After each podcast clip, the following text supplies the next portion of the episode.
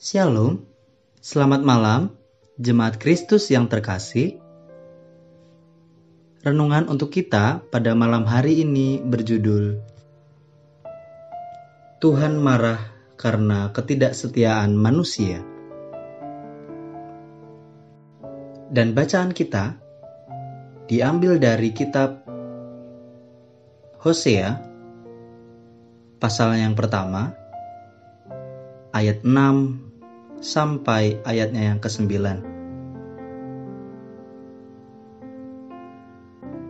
Beginilah firman Tuhan.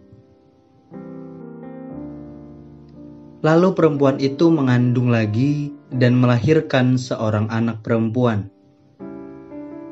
Berfirmanlah Tuhan kepada Hosea, Berilah nama Lo Ruhama kepada anak itu sebab aku tidak akan menyayangi lagi kaum Israel, dan sama sekali tidak akan mengampuni mereka. Tetapi aku akan menyayangi kaum Yehuda dan menyelamatkan mereka demi Tuhan, Allah mereka. Aku akan menyelamatkan mereka bukan dengan panah atau pedang, dengan alat perang, atau dengan kuda dan orang-orang berkuda.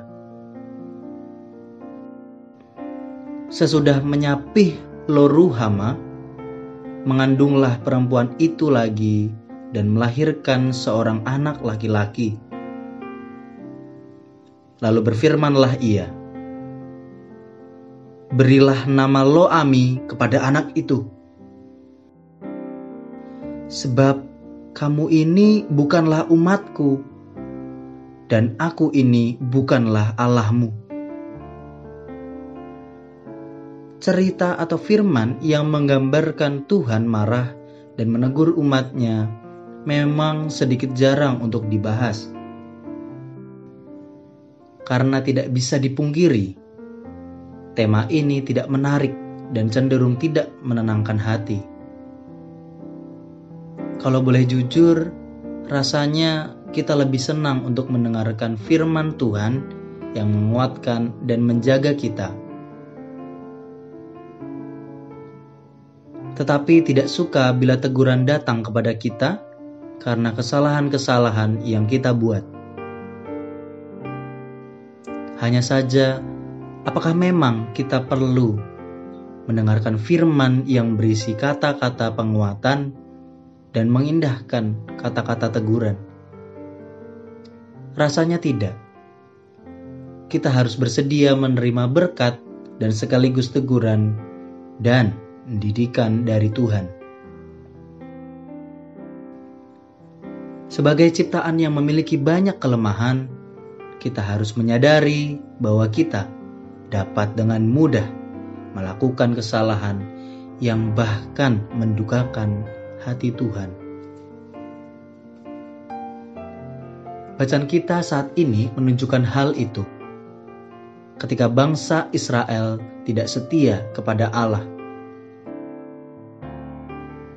ia mengutus Nabi Hosea untuk menegur bangsa Israel dengan cara yang tidak lazim yaitu menikah dengan perempuan sundal untuk menunjukkan bangsa Israel telah berpaling dari Allah dan hidup dalam dosa.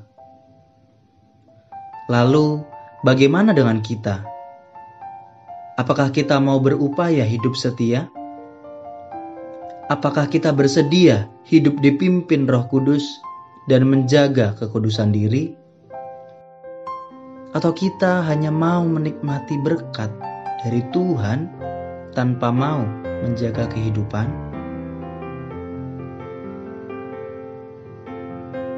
Setialah, karena Allah adalah setia.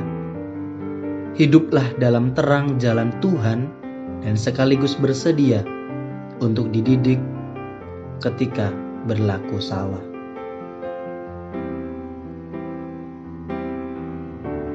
Demikianlah renungan kita pada malam hari ini.